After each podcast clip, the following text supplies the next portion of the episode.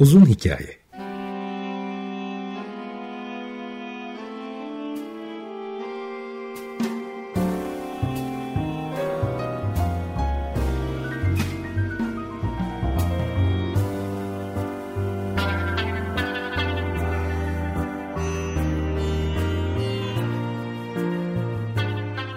Hazırlayan ve sunan Muzaffer Çorlu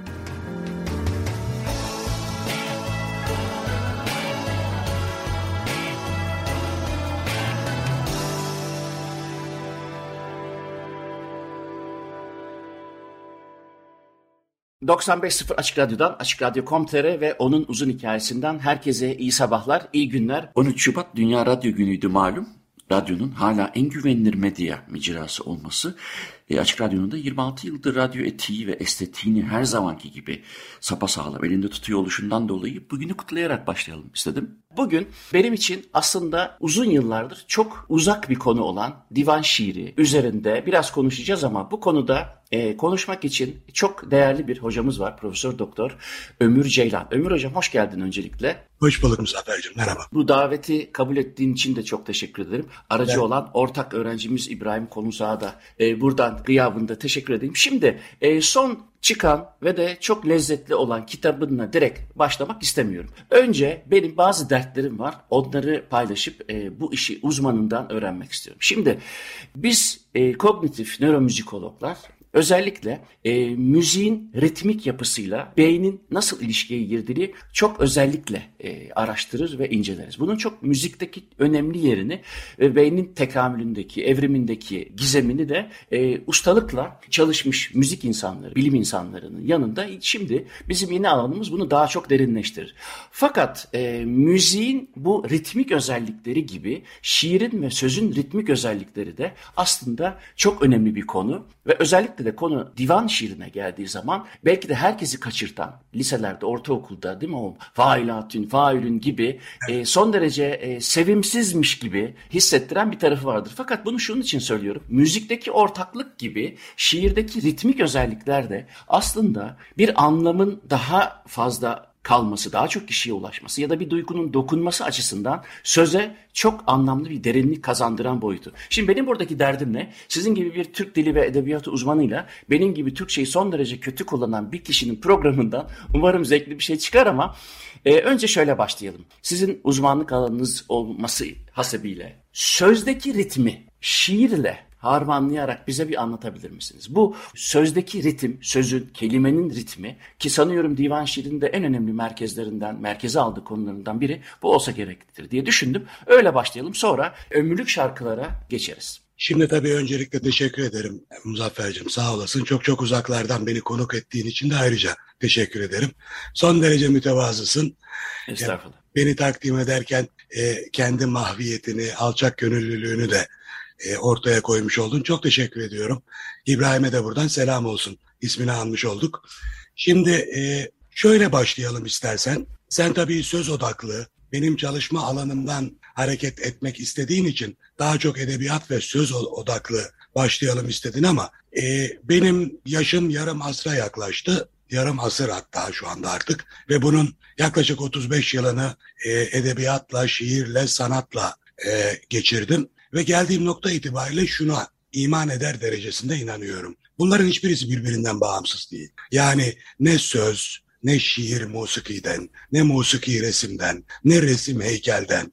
Bunların hiçbirisi birbirinden bağımsız değil. Hatta bunların hepsi adı konulmamış, adını henüz koyamadığımız bir ortak bilincin kontrolünde bir şeyle mücadele ediyorlar tarih boyunca. Benim asıl odaklandığım ve beni büyüleyen taraf bu. Neyle mücadele ediyorlarsa senin bulunduğun noktadan sözdeki ritimle e, melodideki ritmin ortaklığı dikkatini çekiyor. Benim bulunduğum noktadan başka bir şey dikkatimi çekiyor. Fakat azıcık uzaklaşıp baktığımızda bunların topyekun bir şeyle savaş verdiğini görüyorum ben. E, bu savaşın adını koyarsak sözdeki ritmi daha kolay konuşabiliriz diye düşünürüm. Şimdi şu belli, şu açık, e, kısacık ömürlerimizde ya da bu kısacık ömürlerde toplayabildiğimiz son derece sınırlı bilgi dağarcığımızla şunu anlıyoruz ki e, gerçeklikle e, tarihin derinliklerine uzanan bir problemimiz var biz. İnsanlığın gerçekliği anlamlandırma ile ilgili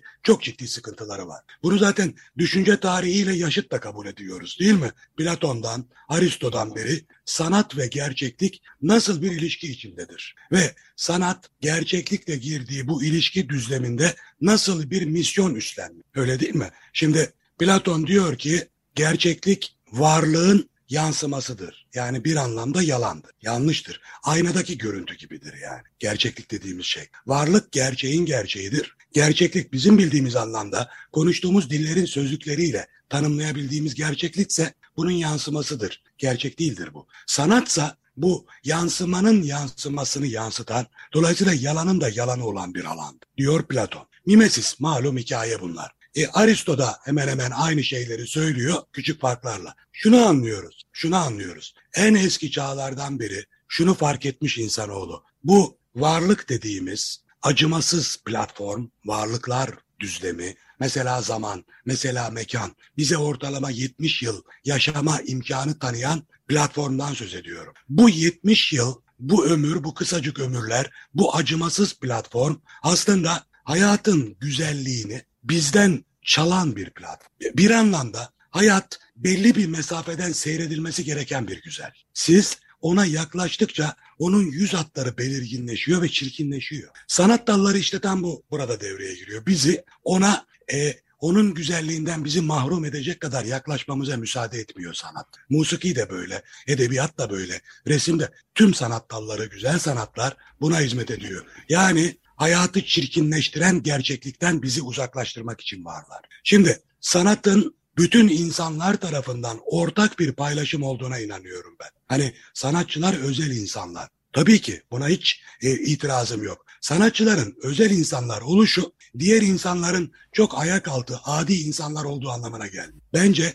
her insan özeldir ve sanat dediğimiz bu e, hayatı doğru anlama çabası tüm insanlarca paylaşılan bir uğraşı. Ama kimi sanat, gerçek sanatçılar bu uğraşıyı verdikleri emekle, taçlandırarak başka bir boyuta taşıyor. Hiç emek vermezsek ne olur? Hiç emek vermezsek mesela arkanızda gördüğüm o enstrümanlardan herhangi biriyle e, verilecek 10 dakikalık bir resitali gözlerini kapatıp bulunduğu yerden ayrılmışçasına dinleme keyfi yaşayarak sanatçı olabilir sıradan bir insan. Sanat yalnızca üretimle ilgili bir şey değil. Sanat doğrudan onu doğru bilinçli bir biçimde özümsemeyle de ilgili bir alan. Şimdi sözde ritim var mıdır? Sözde ritim elbette var. Normalde dünyanın tüm dilleri mukaddestir ve dünyanın tüm dillerindeki her sözcük en az bir diğeri kadar kutsaldır. Hiç şüphe yok. Fakat insanoğlu emek vererek, çabalayarak hem sahip olduğu bu dili işleyebilir hem de gelecek nesiller işlenmiş metinler üzerinden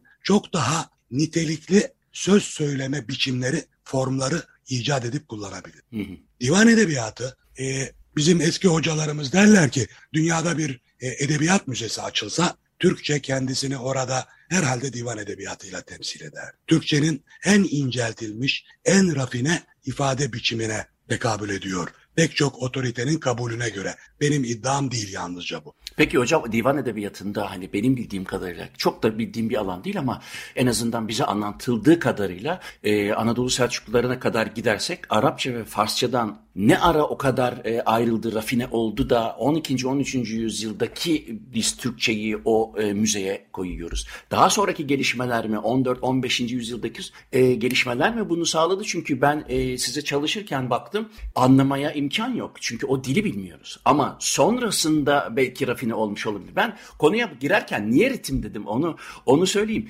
Çünkü kime sorsak gene bu İnsanların e, hangi dersi sevmezsiniz dediğimiz zaman mesela kimisi der ki ben matematik hiçbir zaman sevmedim. Kimisi der ki ben biyoloji hiçbir zaman sevmedim. Kimisi der ki edebiyat hiçbir zaman sevmedim. Aslında onu insanların bir yani sanat olabilir ya da bir bilim dalı olabilir. Sevip sevmemesi o da nasıl aktarıldığıyla ilgili. Aynı biraz önceki varlık ve onun yansıması gibi. Dolayısıyla biz okullarda zaten kendisi de kavrayamamış bir hocadan dinliyorsak yani ben mesela bu işte failatün meselesini çok iyi hatırlıyorum. Hatta böyle hani çizdim ki yani e, ta ta ta ta ta ta ta ta yani failatünün bir müzikal karşılığı var. Dolayısıyla o karşılık içinde görüldüğü zaman hani herkesin bildiği kanuninin yani halk içinde muteber bir nesne yok devlet gibisini hemen e, akılda kalıcı şekilde formüle edebiliyoruz müzikte ama e, onu zevkli hale getirmek o hocanın işi ki o hocanın onu özümsemesi gerekir. Dolayısıyla ben ritmik tarafından oradan girdim. Çünkü e, aslında e, bir yanıyla bakıldığı zaman e, hani o müzeye divan edebiyatında kullanılan Türkçeyi koyacak olursak e, bu şekilde de bizi e, divan edebiyatı dendiğinde son derece ağdalı çünkü bizim işte Cumhuriyet döneminden sonra hatta 1980'lerden 90'lardan sonra öğrendiğimiz Türkçeyle bize öğretilen Türkçeyle ki 200 kelime civarında bir dağarcığı olan ortalama insan olarak söylüyorum. E, Türkiye'de genelde böyle maalesef. Şimdi o Anadolu Selçuklulardan Osmanlılara ki en yükselme devri sanıyorum e, Fatih Sultan Mehmet veya Beyazıt'a denk geliyor. Oradaki o şiiri ya da o edebiyatı anlamasında imkan yok gibi geliyor bana. E, yanılıyor muyum yoksa da o rafine oldu mu bir şekilde? Şöyle yanılmıyorsun Muzaffer. Fakat şöyle düşünelim. Burada bizi bekleyen en büyük tehlike anakronizm. Hı E, anakronizmden e, anakronizme savrulmamalıyız burada. Hı. Ben diyorum ki e, insanlık bir koşu halinde tüm sanat dallarında ulaşabileceği en ileri noktaya ulaşabilmek için doğuda batıda seferber. Biz de o bahsettiğin Büyük Selçuklu, Anadolu Selçuklu dönemlerinde üzerimize düşen bu e, mücadelede üzerimize düşen işi yapmaya karar vermişiz. Düşün. Şimdi düşün lütfen. Bunun yolu Tanrı'nın bizi donattığı e, yetenekte mesela duyma, duyma yetisi, görme, dokunma yetisi. Aslında müziğin, musiki aletlerinin, enstrümanlarının temelinde de bunlar yok mu? Temel insani beceriler üzerine inşa ediliyor her şey.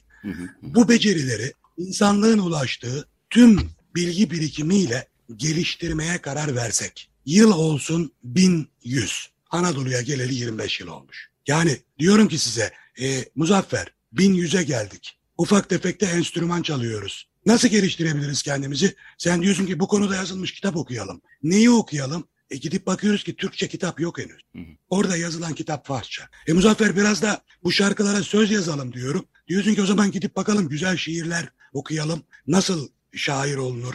Nasıl sözdeki ritim yakalanır? Henüz daha e, yüksek nitelikte Türkçe metinler ortaya konmamış Anadolu Türkçesiyle. Ne yaparsın? Ne yapardım? Eldeki mevcudu değerlendirirdim değil mi? Bunları okur, bunları özümser ve kendimi inşa etmeye çalışırdım. O hani 12'de böyleyken 16'da niye böyle oldu dediğin o 400 yılda biz bunu yaptık.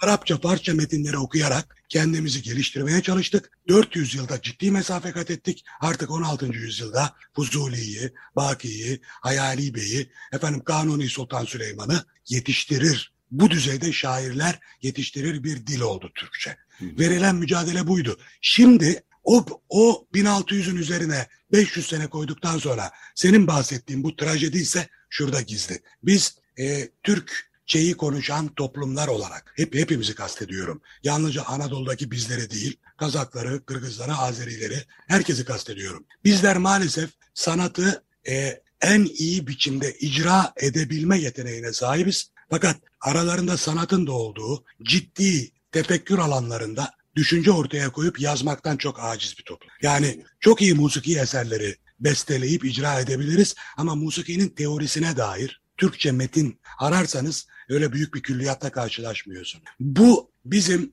sanatı anlatmakta asırlara dayanan bir sıkıntımız olduğunun da delili. Sen diyorsun ki failatün failatün oldu mu tüylerimiz diken diken o. Benim de öyle oluyor. O yüzden ben artık birine divan edebiyatındaki vezinleri anlatmak zorunda kalırsam mesela senle böyle özel bir sohbet yapsak dinleyicilerimizin olmadığı baş başa aynı masada olsak ben sana bu vezni failatün failatün failatün failün demezdim. Derdim ki bunun adı ey muzaffer, ey muzaffer, ey muzaffer, ey muzon. Ben de biraz önce gösterdiğim gibi ritmik olarak şudur o. O zaman işte buluşmamız çok kolay olacaktı. Tabii. buluşmamız ne kadar kolay olacaktı. Ben sana abuk subuk Arapça çekimler, failatün, mef'ulü, mefailün, müstefilünleri önüne boca etmesem seninle çok daha rahat buluşup konuşabilirdik bu konularda. Öyle değil mi? Bu biraz bizim divan... Hayır bir de e, Türkçe'ye zaten hakim olamayan bir maalesef tabii bunu e, ben kendimden bildiğim için söylüyorum. Yoksa kimseye hakaret e, içermiyor bu söylediğim. Kendimi kastediyorum. Bir de böyle bu şekilde geldiği zaman o zaman oradaki değeri kaçırma gibi bir gaflete düşüyoruz. Çünkü e, hani ben bir klasik batı müziği eğitimi de almış, eğitimi de veren birisi olarak hani en basitinden barok dönemde bizim 16, 17. 18. yüzyıllarda müzikten bahsettiğimiz zaman ne deriz? İşte bu müzisyenlerin çoğu işte büyük otoriteler tarafından mesela işte bazı kontlar, lordlar sarayda kullanırlar ve aslında halk içinden gelmiş fakir kişilerdir. E divan edebiyatının e, üstadları da öyledir ve aynen hatta değil mi son yüzyılda bile kollanan insanlardır ve bunlar fakir insanlardır. Fakat ismi divan olduğu için sanki e, saraydan çıkma gibi bir de e, yanlış anlaşılmaya yol açan tarafı da var değil mi? O isim de aslında toplanılan kitapların divan olmasından kaynaklanıyor değil mi? Onu da bir e, netleştirsek güzel olur sanki. Tabii ki. Şimdi divan kelimesi de e, maalesef Arapça. Ya yani o kült o çağların kültürüne ait pek çok sözcük gibi. O da Türkçe değil. Divan Arapça bir kelime ve e, toplanma yeri, toplanma mahalli, mekanı gibi bir anlamı var. Ee, Osmanlı Devleti'nin merkez yönetiminde e, üst yönetim organlarının yaptıkları, toplantı yaptıkları yere de divan, bu toplantıya da divan toplantısı deniyor. Ama mantık orada işte sadrazam ve diğer nazırların, bakanların, vezirlerin toplantı yapmasından dolayı divan deniyor. Bizim divan edebiyatı derken kullandığımız sözcük ise aynı sözcük olmakla beraber kastımız saraydaki o yönetim toplantısı değil. Şairlerin hayatı boyunca yazdığı tüm şiirleri topladıkları kitaba da divan adı veriliyor. Tıpkı bakanların toplandığı yer gibi. Bu da şiirlerin toplandığı yer. Bir kitap. Biz buna da divan diyoruz. Ve hani e, son yıllarda, son 30 yılda modern matbuat da bunu keşfetti. Orhan Veli bütün şiirleri diyor. Hmm. Seri, aslında bu Orhan Veli divanı demek. Evet. Hiçbir farkı yok aslında. Fuzuli divanı da Fuzuli bütün şiirleri demektir. Baki divanı Baki bütün şiirleri. Uzun yaşayan yani beklediğinden daha uzun yaşayan şairler divanlarını birkaç kez tertip ediyorlar. Yani tüm şiirlerini bir araya getirebilmek için mesela 60'ında divanını tertip edip tamamlayıp kilitleyen bir şair üstüne bir 20 sene daha yaşarsa son 20 yılda yazdığı şiirleri ekleyip ikinci bir edisyon daha yapıyor. Yapmak zorunda kalıyor. Bütün şiirleri bir arada olsun diye. Divan edebiyatının adı bu kitaplardan mütevellit divandır. Onun dışında sarayla bağlantısı elbette vardır. Onu da söyleyeyim Muzaffer'cim. Şunu şunu bir kere dinleyicilerimiz de e, sen de e, düşü, düşünürken masanın üzerine, düşünce tezgahımızın üzerine net bir biçimde koyalım. Altı asır boyunca efendim dünyadaki benzer geleneklerle e, mücadele edecek, onlara kafa tutacak bir şiir geleneği ortaya koyarken yani divan edebiyatı dediğimiz o çok entelektüel, çok derin, çok anlam katmanları yoğun bir şiir geleneği ortaya koyarken bu toplumun okur yazarlık oranı yüzde beşi aşmamıştır altı asır boyunca. Şimdi düşünebiliyor musunuz? Ne yaptıysanız bütün o e, güzelim besteler, o makamlar, yani musiki makamları, güfteler, bütün bu divanlar, yapılan o nakkaşlar, levniler, minyatürler hepsi sanat adına, düşünce adına, fikir adına ne yapıyorsanız bu yüzde beşle yaptınız. O yüzden ya o yüzde beşe ulaştınız en fazla. O yüzde beşle ürettiniz. Bu üretilen malzeme de yüzde beşin çok çok az bir kısmını aşmıyor. Yani yüzde yediye sekize ulaşır. Kalan yüzde doksana, yüzde doksan civarına ulaşırken çok şey kaybederek ulaşabilir. Yani e, okur yazar olmayan bir adama Fuzuli ancak e, sözlü kültürle, ezberlenmiş bir gazelle, ezberlenirken de bozulmuş vezniyle, düşmüş kelimelerle bir miktar hırpalanarak ulaşır. E, Giresun'un köyüne, Sivas'ın köyüne, Erzincan'ın köyüne. Fuzuli.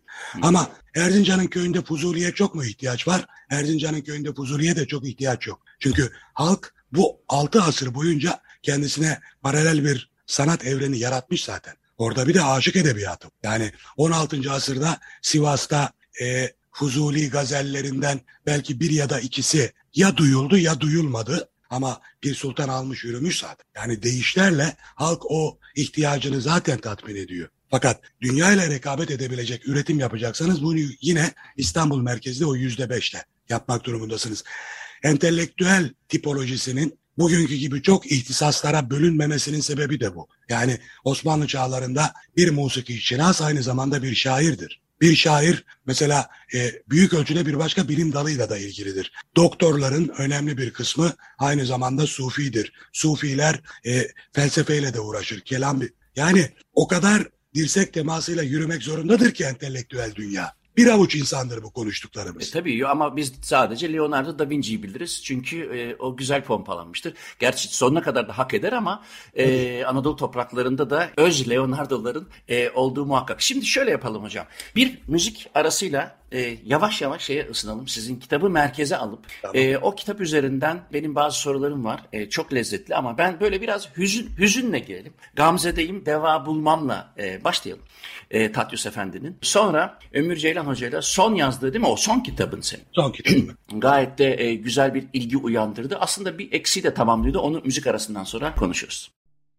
Evet Profesör Doktor Ömür Ceylan'la bir aradayız. Konuşmanın başında divan şiiri, divan edebiyatı, kavram kargaşasını da gidermek üzere güzel bir e, girizgah olduğunu düşündüğüm e, bir sohbet oldu. Ve buradan şimdi e, bu kitap çıkalı bir yıl oldu mu hocam? Henüz altı ay dahi olmadı. Altı ay. Ömürlük şarkılar. Şimdi en çarpıcı tarafı bu kitabın benim için kişisel sebeple adıyla ömrümü, varlığıyla gönlümü dolduran kızım Şiire diye bir adanmışlık var. Bu evet. çok güzel, çok duygusal bir adama. Şimdi burada 10 tane şarkının hikayesi var. Hem e, güftesiyle hem bestesiyle hem de bu şarkıların hikayeleri var. E, aslında hemen hemen herkesin bildiği bu şarkılar hatta yılların eskitmeyi bırakın gittikçe değeri de artan ve de benim de hoşuma giden e, çok popüler kültürde de ya da ne bileyim en azından hani Cem Yılmaz'ın filminde Yaşlı Batı'da da kimseye etmem şikayet çalınınca tabii tekrar tekrar ünlü e, olmaya başladı bu şarkılar. E, sonuna kadar da olsun fakat senin kitabının güzelliği onların güfteyi müzikle buluşturan hikayelerin e, o romantik tarafını e, ele alması. Ben e, şu soruyla girmek istiyorum. Şimdi müzikte bizim yaptığımız e, kognitif deneylerde Afrika'dan Kuzey Amerika'ya, Asya'dan Doğu'ya şunu biliyoruz ki minör akorların ya da bizim duygusal, hüzünlü akorların e, arka arkaya takibi e, evrensel bir şekilde en hızlı evet bu hüzün içermektedir e, dedirten bir özelliğe sahip. Yani sözsüz sadece akorlardan bahsediyor. Ama iş majör akorlara ya da daha görece daha az hüzünlü diyelim ya da hüzünlü olmayan akorlara geldiğinde biraz daha algılanması uzun sürüyor. Yani uzun sürüyordan kastım da 400 milisaniyeden 2 saniyeye çıkıyor mesela. Yani demem o ki hüzün içeren bir akorun dünyanın her yerinde insan zihni tarafından hemen algılanması ve ortak bir bilinç, kolektif bilinçaltı varmışçasına ki eminim var bir anda dillendirilmesine yol açıyor. Yani hüzün bir insandan diğer bir insana empati merkeze konduğunda daha çabuk geçen, daha çabuk anlaşılan ve evrensel bir nokta. Fakat anladığım kadarıyla şiirde de hüzün duygusu müzik kadar evrensel. E, ve de bu kitapta zaman zaman e, karşımıza çıkan da bir şey. Sen bu kitabı yazarken şiirin duygusal tarafı, emosyonlardan, hüzne sanki bir torpil geçmiş gibi geldi. Yanılıyor muyum? Ben benim aşırı yorumlamam mı bu? Yok, e, tabii yok hüzne torpil geçmedim de ne yazık ki hüzün bize torpil geçmemiş. Yani ben bu kitabın keşke geçseydi repertuarını kitap henüz daha ortada yokken oluşturmadım Muzaffer. Bu şöyle oldu. Kitabın yazılış hikayesine de kısaca değinmiş olalım böylece. Ben e, bu seni de çok etkileyen bu şarkılar neden hiç unutulmuyor? Evet. Yani her geçen günle beraber e, bu şarkılar tekrar diriliyor. Her doğan güneş de yeniden doğuyor gibi bu şarkılar. Ve bu diriliklerini neye borçlular? Şimdi bakıyorum büyük bütçeli reklam jingle'ları oynuyor ve en iyisinin ömrü 3 ay sürüyor. Kimseye etmem şikayet diyorum. Şu anda dinleyicilerimizin zihninde melodisi geziyor. Adım kadar biliyorum. Sözlerini söylediğimde. Gamze'deyim deva bulmam diyorum melodisi geziyor. Bu nasıl olabilir? 1913'te vefat etmiş Tatyos Efendi'nin şarkısı 100 709 e, sene sonra daha ilk mısrayı söylediğimde melodi insanların zihninde nasıl ayağa kalkıyor? Bu dirilik nereden geliyor? Bunu düşünerek aslında kitap kitabın macerası başladı. Ve sonunda şuna kanaat getirdim. İnsanlar Tatyos'u tanımıyor ya da işte Yahşi Batı filminde kimseye etmem şikayet şarkısı Cem Yılmaz tarafından icra edip ya da söylendiğinde hiç kimse onun yazarı olan İhsan Raif Hanım'ı ya da bestekarı Kemani Sarkis Efendi'yi tanımıyor. Hatta daha da ötesini söyleyeyim. Mesela bu şarkıyı dinlerken titrerim mücrim gibi baktıkça istikbalime duy hatta eşlik ediyor bir fasıl ortamında. Oradaki mücrim kelimesi bir dakika nedir diye sorsan birebir karşılığını söyleyemiyor. Hazır konusu gelmişken o zaman onun direkt kimseye etmem şikayetin hikayesine girelim. Çünkü e, babasının zoruyla evlenen hatta 13 yaşında e, evlendirilen bir İhsan Hanım'dan bahsediyoruz. Ne kadar acıdır ki yani bu kişiyi biz tanımıyoruz. Ben de programa seni davet etmesem ben de bilmiyordum. Şimdi insanlara ben biliyordum hiç kimse bilmiyordu gibi algılanmasın. Bunlar evet. nedense bizim popüler kültürün e, içine sirayet edemiyor ve bu çok büyük, çok acı bir hikaye tabii ama en azından yayabildiğimiz kadar ben de e, bu programların bana en büyük katkısı bunları öğrenmiş oluyorum. O yüzden de bütün konuklara e, senin gıyabında böyle herkese teşekkür etmiş olayım. Fakat babasının zoruyla evlendirilen İhsan Hanım sonra e, Türkiye'den göç etmek zorunda kalıyor. Gene de İstanbul'a defnediliyor ama kimseye etmem şikayet şikayet merkezinde hikayesini bir e, paylaşabilir misin? Şöyle, e, İhsan Raif Hanım çok iyi yetiştirilmiş bir paşa kızı. Hı hı. Göze Raif Paşa'nın kızı, Göze Raif Mehmet Paşa ve 1877 yılında Beyrut'ta doğuyor. Entelektüel bir Osmanlı ailesinin çocuğu olarak yetiştiriliyor. Bu ne demek? Klasik Türk musikisinin yanında batı enstrümanları çalmayı öğreniyor. Arapça, Farsçanın yanı sıra çok iyi düzeyde Fransızca öğreniyor. Daha çocukluk çağında ve bunu da özel hocalarla yapıyor. Çünkü paşa babası sürekli oradan oraya tayin edilirken düzenli bir okul eğitimi kuramıyor paşa aileleri. Özel hocalarla yürütüyorlar çocukların eğitimini. İhsan Raif Hanım henüz daha 11-12 yaşlarındayken babası nihayet merkeze bir atama alıyor. Merkeze yani İstanbul'a. Osmanlı bürokratik sisteminde devlet adamları önce o koca Osmanlı coğrafyasında farklı farklı yerlerde pişirilir görevlerde. Sonra artık belli bir yetkinliğe ulaştığı düşünülünce merkezdeki önemli görevlerde istihdam edilir. Köser Arif Mehmet Paşa da İstanbul'a tayin alıyor ve geliyor. Şişli'yi bilir misin bilmiyorum. Şişli Kaymakamlığı binası vardır. Hı hı. Çok zarif bir Osmanlı binasıdır. Evet. O bina halen de kaymakamlık orada. O binanın ismi Taş Konak'tır ve Köser Arif Mehmet Paşa'nın evidir orası. İstanbul'a atandığında işte bu eve yerleşir. Taş Konağı. Hı hı. E, Paşa Baba Baba Ali'ye göreve gidip gelmektedir. Sabahları çıkıyor, akşamları geliyor. Çocuklar, e, iki tane kızı var. Çocuklar da bu konağın e, sanıyorum ikinci katında ya da üçüncü katında günlerini oynayarak, birbirleriyle oynayarak ve ders alarak geçiriyorlar. İhsan Raif Hanım o sırada 13 yaşında. Bir gün konaktaki güvenlik görevlerini, kahyayı vesaireyi atlatarak bir bir serseri bu konağa girmeyi başarıyor. Yukarı çıkıyor kızların oyun odasına ve İhsan Raif Hanım'ı çocukların çığlıkları arasında alıp kaçırmaya çalışıyor. Fakat çocukların çığlıkları üzerine koşuyor bütün konak görevlileri. Henüz daha çocukları odadan bile çıkaramamışken bu serseriyi derdest ediyorlar. Bir miktarda darp ederek sokağa atıyorlar. Yani hadise bundan ibaret. Hadise bundan ibaret. Serserinin adı da Mehmet Ali. Buraya kadar kalmış olsaydı biz ismini bile bilmeyecektik. Ama ne yazık ki burada bitmiyor. Akşamleyin Paşa, Paşa Baba konağa gelip hikaye kendisine anlatılınca Paşa Baba tabi her Osmanlı paşası ve bürokratı gibi en çok korktuğu şey dedikodudur. Kendisi ve ailesi hakkında bir söylenti çıkarsa gelecek terfiler çünkü suya e, düşecektir. Bunu hemen örtbas etmek için gidin bulun diyor serseriyi. O serseriyi buluyorlar Mehmet Ali'yi ki İhsan Raif Hanım 13 yaşında e, Mehmet Ali dediğimiz adamsa 40'lı yaşlarına yakın. Arada bu kadar fark var.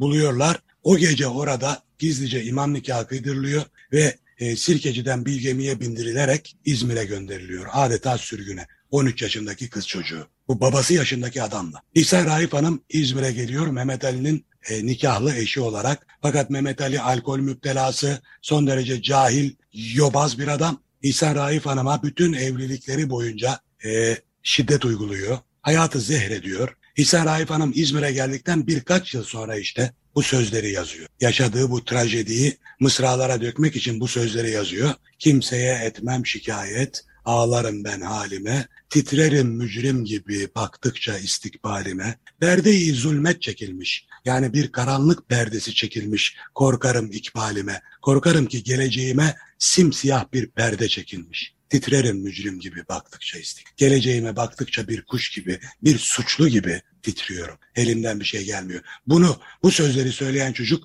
13 yaşında zorla evlendirilmiş bir kız çocuğu yani. O zaman bu duygularla dinleyelim. Kimseye etmem şikayet.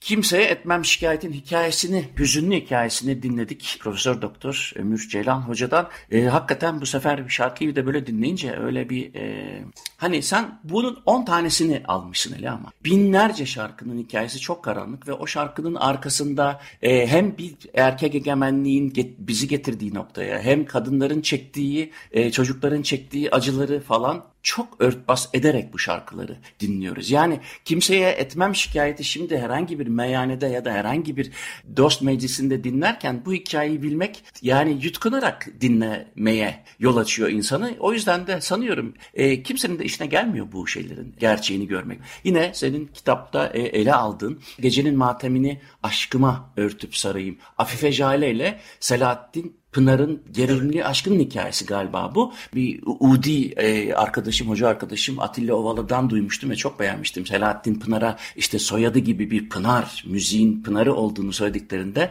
o da... E, Saadettin Kaynağı onu kastederek şey demişti ben Pınarsam o da kaynak diye. Hep Selahattin Pınar dendiğinde aklıma o gelir. E, o hikayeyi de alalım hocam senden. Afife Jale ile Selahattin Pınar'ın gerilimli aşkı ki e, bir sürü gazetede bu kitabı e, tanıtırlarken buna da yer vermişler gördüm internette e, ama çok hoş. Evet şimdi Afife Jale malum Türk kadını için büyük bedeller ödemiş. Türk sanat, kültür ve sanat tarihi için çok önemli bir isim. E neden önemli bir isim? Çünkü içindeki bu sahne coşkusunu dizginleyemeyip henüz daha kadınların sahneye çıkması kanunen yasak bir dönemde sahneye çıkma cesareti gösterip bunun karşılığında da çok genç yaşta e, travmalar yaşamak zorunda kalmış bir e, insan. Selahattin Pınar ise ailesi tarafından daha ne diyeyim hani e, bizde de olur ya çoluk çocuğumuz daha saygın işler yapsın. E, Türk toplumu böyledir. Herkes oğlunu böyle kravatlı tahayyül eder. Kızını etek döpiyesli. Mümkünse savcı olsun. Mesela savcıların canını sıkan bir müzisyen ya da mizah yazarı olsun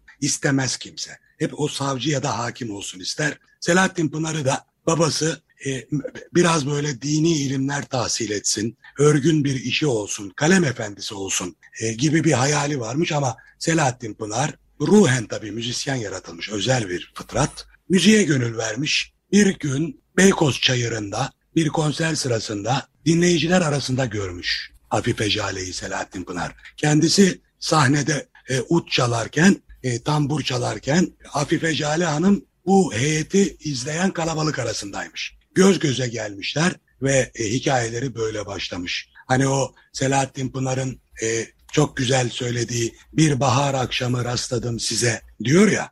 O bahar akşamı o bahar akşamıdır bence Selahattin Pınar'ın dünyasında. Ama tabii Hafife Jale o yaşadığı sahne travması sonrasında toplum taraf toplumun büyük kesimi tarafından e işte biraz böyle Avrupa iyilik, batıcılık hatta tırnak içinde söylüyorum hafiflik hafif meşreplikle itham edilen bir pozisyonda o sırada. Hı hı. Selahattin Pınar'ın Hafife Ejale ile ikisi de gencecik insanlar yani o sıra 20'li yaşlarda. Hı hı. Başlayan ilişkisi ailesinin kulağına gidince Altunizade'de oturuyorlar. Pınar ailesi. Bir gece babası diyor ki misafirler de var o gün evde o akşam. Söz Selahattin Pınar'a gelince Selahattin de orada oturuyor gencecik bir delikanlı. Diyor ki bizim Selahattin de çalgıcı olacak. Hani laf dokunduruyor. Bir de diyor kız arkadaşı var. Bilirsiniz kim olduğunu. İsmi lazım değil. Bir çalgıcıya da öylesi yakışır babası. Selahattin Pınar dişlerini sıkarak, gözyaşlarını içine akıtarak o gece kapıyı çarpıp çıkıyor. Çıkıyor, Altunizade'den karşıya geçiyor. Beşiktaş'a ve diğer Avrupa yakasındaki kendisi gibi müzisyenlerin müdavim olduğu mekanlara sabaha kadar dolaşıyor. Sanıyorum e, sabaha karşı artık geceyi bitirdikten sonra eve dönüyor Altunizade'ye. Sokağa girdiğinde bakıyor ki kendi binalarının bütün ışıkları yanıyor. Bütün ışıkları. Telaşla koşa koşa içeri giriyor apartmana. O gece babası vefat etmiş. Yani kendisi babasına belki de lanetler okurken, kızarken o gencecik yüreğiyle, o e, sınırlı deneyimiyle o gece babası vefat etmiş. Çok sarsılıyor tabii. Babasıyla veda edememiş. Babası kendisi hakkında bu izlenimlerle vefat etmiş. Hani kendisine onu anlatamamış da nasıl iyi ve büyük bir müzisyen olacağını gösterememiş. Hafife Jale ile bir hayat paylaşabileceğini ispatlayamamış. Hani kendisini anlatamamış bir evladın sıkıntısı. Ee, Selahattin Pınar'ın çok yakın dostu Mustafa Nafiz Irmak vardır. Onların ikisi sanki böyle bir elmanın iki yarısı gibidirler. Birisi çok iyi bir şair, diğeri çok iyi bir bestekardır. Selahattin Pınar bestelerinin dörtte üçünde Mustafa Nafiz Irmak imzası vardır müftelerde. Ee, Mustafa Nafiz Irmak'ın Kurtuluş'taki bekar evine gidiyor birkaç gece sonra definden sonra ve yalvarıyor. Diyor ki bana bir güfte yaz. Öyle bir güfte yaz ki babamla vedalaşamamanın pişmanlığını insanların zihnine ve ruhuna çakabileyim. Onun ellerini öpmeden, kendimi ona affettirmeden onun ayrılışının acısını herkese anlatabileyim. Mustafa Nafiz Irmak'la sabaha kadar birlikte ağlıyorlar. Selahattin Pınar sızıyor bir somyanın üzerinde. Sabah kalktığında masanın üzerinde Mustafa Nafiz evde yoktur. Masanın üzerinde bir kağıdın üzerinde dört mısra buluyor. İşte o dört mısra bu şarkının sözleridir. Gecenin matemini aşkıma örtüp sarayım. Gittin artık seni ben nerede bulup yalvarayım. Şimdi ben tıpkı şifasız kanayan bir yarayım. Gittin artık seni ben nerede bulup yalvarayım. Sözler Mustafa Nafiz Irmak'ın, beste Selahattin Pınar'ın o güzelim Hüzzam şarkısı. Öyküsü de böyledir. Hafife Jale ile evleniyor Selahattin Pınar. Kimseye de haber vermiyorlar. Birkaç yakın arkadaş evleniyorlar. Fakat Hafife Jale'nin çocukluğundan getirdiği travmaları, Selahattin Pınar'ın yaşadığı bu kayıplar ve travmaları bu iki genç insanın evlilikleri sürdürmesine müsaade etmiyor. Hafife Jale komşusu olan birinin yüzünden morfin müptelası oluyor. Selahattin Pınar morfin yüzünden kendisinden uzaklaşan Afife Jale'ye ulaşabilmek adına kendisini zorla morfine müptela etmeye çalışıyor. Zorla. Şu şu acının, şu aşkın acıyla harmanlanışına bakar mısın Muzaffer? Hani birlikte ölebilmek adına. Fakat Hafife Jale buna müsaade etmiyor ve Selahattin Pınar'dan ayrılıyor. Sırf Selahattin Pınar'ı e, kendisiyle aynı duruma düşürmemek için ayrılıyor. Ömrünün son yıllarını parklarda, başta Taksim Gezi Parkı ve benzer parklarda geçiriyor ve bir akıl hastanesinde hayata veda ediyor Hafife Jale. Hafife Jale ve Selahattin Pınar'ın bu ölümsüz aşkından da elimizde yalnızca bu şarkı değil birkaç şarkı daha dinleyicilerimizin çok yakından bildiği Selahattin Pınar'ın Hafife Jale'den ayrıldıktan sonra bestelediği Nereden Sevdim O Zalim Kadını gibi şaheser. Onu, onu, onu dinleyip son bölüme geçelim ama gerçekten tarih boyunca e, bütün hikayelerin arkasında e, biraz önceki İhsan Hanım örneğinde olduğu gibi ya da şimdi Afife Jale'yi hafif kadın tırnak içinde göstermeye çalışan erkek gibi ama kadınları eğik ve ezik e, kılmaya çalışan bütün bu erkeklere rağmen dik duran kadınlara selam olsun diyerek Selahattin Pınar'ın ayrılık sonrası yazdığı şarkıyı dinleyelim. E, sonra son bölüme geçeriz. Evet Profesör Doktor Ömür Ceylan'la beraber yazdığı son kitabı Ömürlük Şarkılar'dan hem hikayeler dinliyoruz hem de parçalar dinliyoruz. Fakat biz üç tanesini konuşabildik çünkü süremizin kısıtlılığı nedeniyle. Hocam senden mümkünse o en azından neleri ele aldın o on şarkı. Üçünü konuştuk ama yedisi var. Bir de son olarak da şimdi bu hikayeler ben ağzım açık dinliyorum, hüzünleniyorum, aralarda e, gözümün yaşını siliyorum ama e, nereye kadar e, kurgusal, e, nereye kadar gerçeği yansıtıyor onu da dinlemek isterim açıkçası. Evet, e, istersen öncelikle kitabın içerisindeki şarkıları sayayım tamam. dinleyicilerimiz için. Kitapta 10 şarkı var e, ve bu şarkıların benim tarafından kurgulanmış öykülerinin yanı sıra Spotify kare kodları da var. Yani e, telefonlarından okutup hem öyküyü okur, okurken bir yandan da şarkıyı dinleme. Hmm. Bir güzel. sunduk kitabın içerisinde. Kitabın ilk şarkısı Gamze'deyim, deva bulmam. Sonrasında şöyle devam ediyor. Kimseye etmem şikayet. Geçti sevdalarla ömrüm. Ömrüm seni sevmekle nihayet bulacaktır. Ben gamlı hazan, sense bahar. Artık bu solan bahçede bülbüllere yer yok. Gecenin matemini aşkıma örtüp sarayım. Sen hep beni mazideki halimle tanırsın. Ahımı, hicranımı sakladım, gizli tuttum ve kapın her çalındıkça o mudur diyeceksin. Kitabımızın içerisindeki 10 şarkı bu. Senin de programın başında e, ve ileriki safhalarında e, isabetle tespit ettiğin gibi birbirinden hüzünlü şarkılar bunlar. Ama bilerek yapılmış bir seçim değil. E, dinleyicilerimiz de sen de şöyle gözümüzü kapatıp vicdanımızla baş başa kalıp sevdiğimiz şarkıları listelediğimizde göreceğiz ki gerçekten de hüzün en çok yakışandır bize.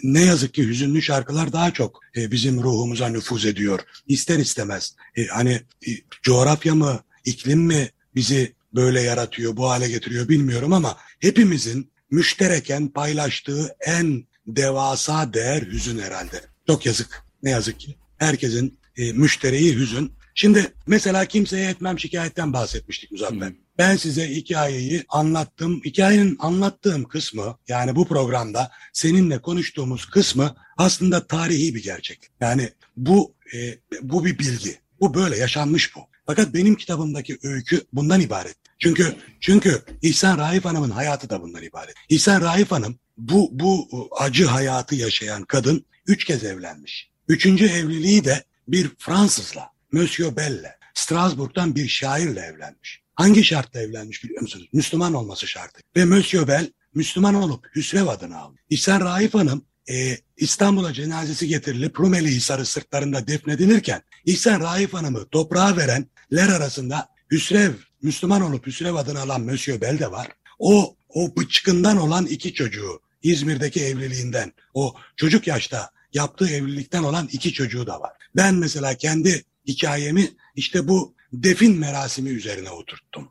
Yani Monsieur Bell e, oradaki çocukları ve e, Kemani Sarkis Efendi Suciyan bu şarkının bestekarı Paris'ten gelmiştir defne katılmak için. Ben öykümü bu programda paylaştığım gerçek kısmının üzerine bir takım kurgusal e, detaylar da ekleyerek farklı bir tablonun içerisinde sunuyorum okuyucularıma. E, Hafife Jare ile Selahattin Pınar hikayesi size anlattığım kısmı zaten bir gerçek. Hı hı. Malum ailenin şu anda hayatta olan akrabaları da bunları programlarda konuştular. Girilirse dinlenebilir bu hikayeler. Ama ben kitabımda bu, meseleyi bununla bırakmıyorum. Hı. Ben kitabımda bütün bu yıpratıcı aşkı Mustafa Nafiz Irmak'ın Darül Aceze'de son bulan hikayesinin son gecesinde anlatıyor. Mustafa Nafiz'in dilinden. Başka kurgusal detaylar da ekleyerek. Hani Selahattin Pınar diyor ya ben diyor Pınarsam Saadettin Hoca'dır diyor kaynak. Saadettin kaynak çocuklarının annesinden yıllarca boşanamayıp nihayet o kadın yüzünden felç olarak ölmüş bir adamdı. Düşünsenize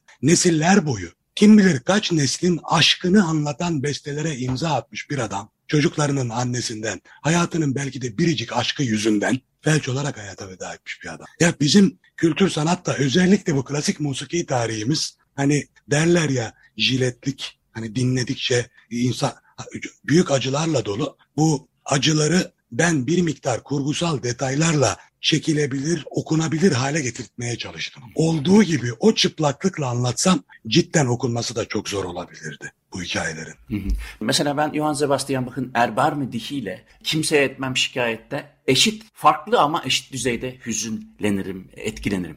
Fakat benim tabii bütün bu hikayelerin domine ettiği bu şarkılarda, sözlerde gerçekten de müzisyenlerin payını ayrı yere koyuyorum. Çünkü bütün bu ruhu, bu hüznü notalarla ya da e, ses tasarımıyla ortaya koyabilmişler. Bunu koyamamış olanların ya da üzerinde anlaşılmamış bir şekilde tam olmamış olanların duyguyu da yani şiirin anlatmak istediğini de kaybettirdiğini gördüm. Ben o yüzden e, bir tık diyelim müziği öne koymayı dolayısıyla alışkanlık edinmedim ama e, yapılan araştırmalar onu gösteriyor ki eğer müzik onu veremiyorsa e, sözün de derinine gidemiyoruz. Tabii belki de e, senin durduğun yerden durum belki tam tersidir. Yok, yok aynı yerde duruyoruz. Kitabın arka kapak yazısını okuyan okurlar görecekler. Ben orada diyorum ki şarkıların güfteleri istiridye içindeki inci gibidir. O inciyi zamanın ve tabiatın kötü şartlarına karşı koruyan, zamanlar boyunca koruyansa istiridye kabukları yani besteleridir.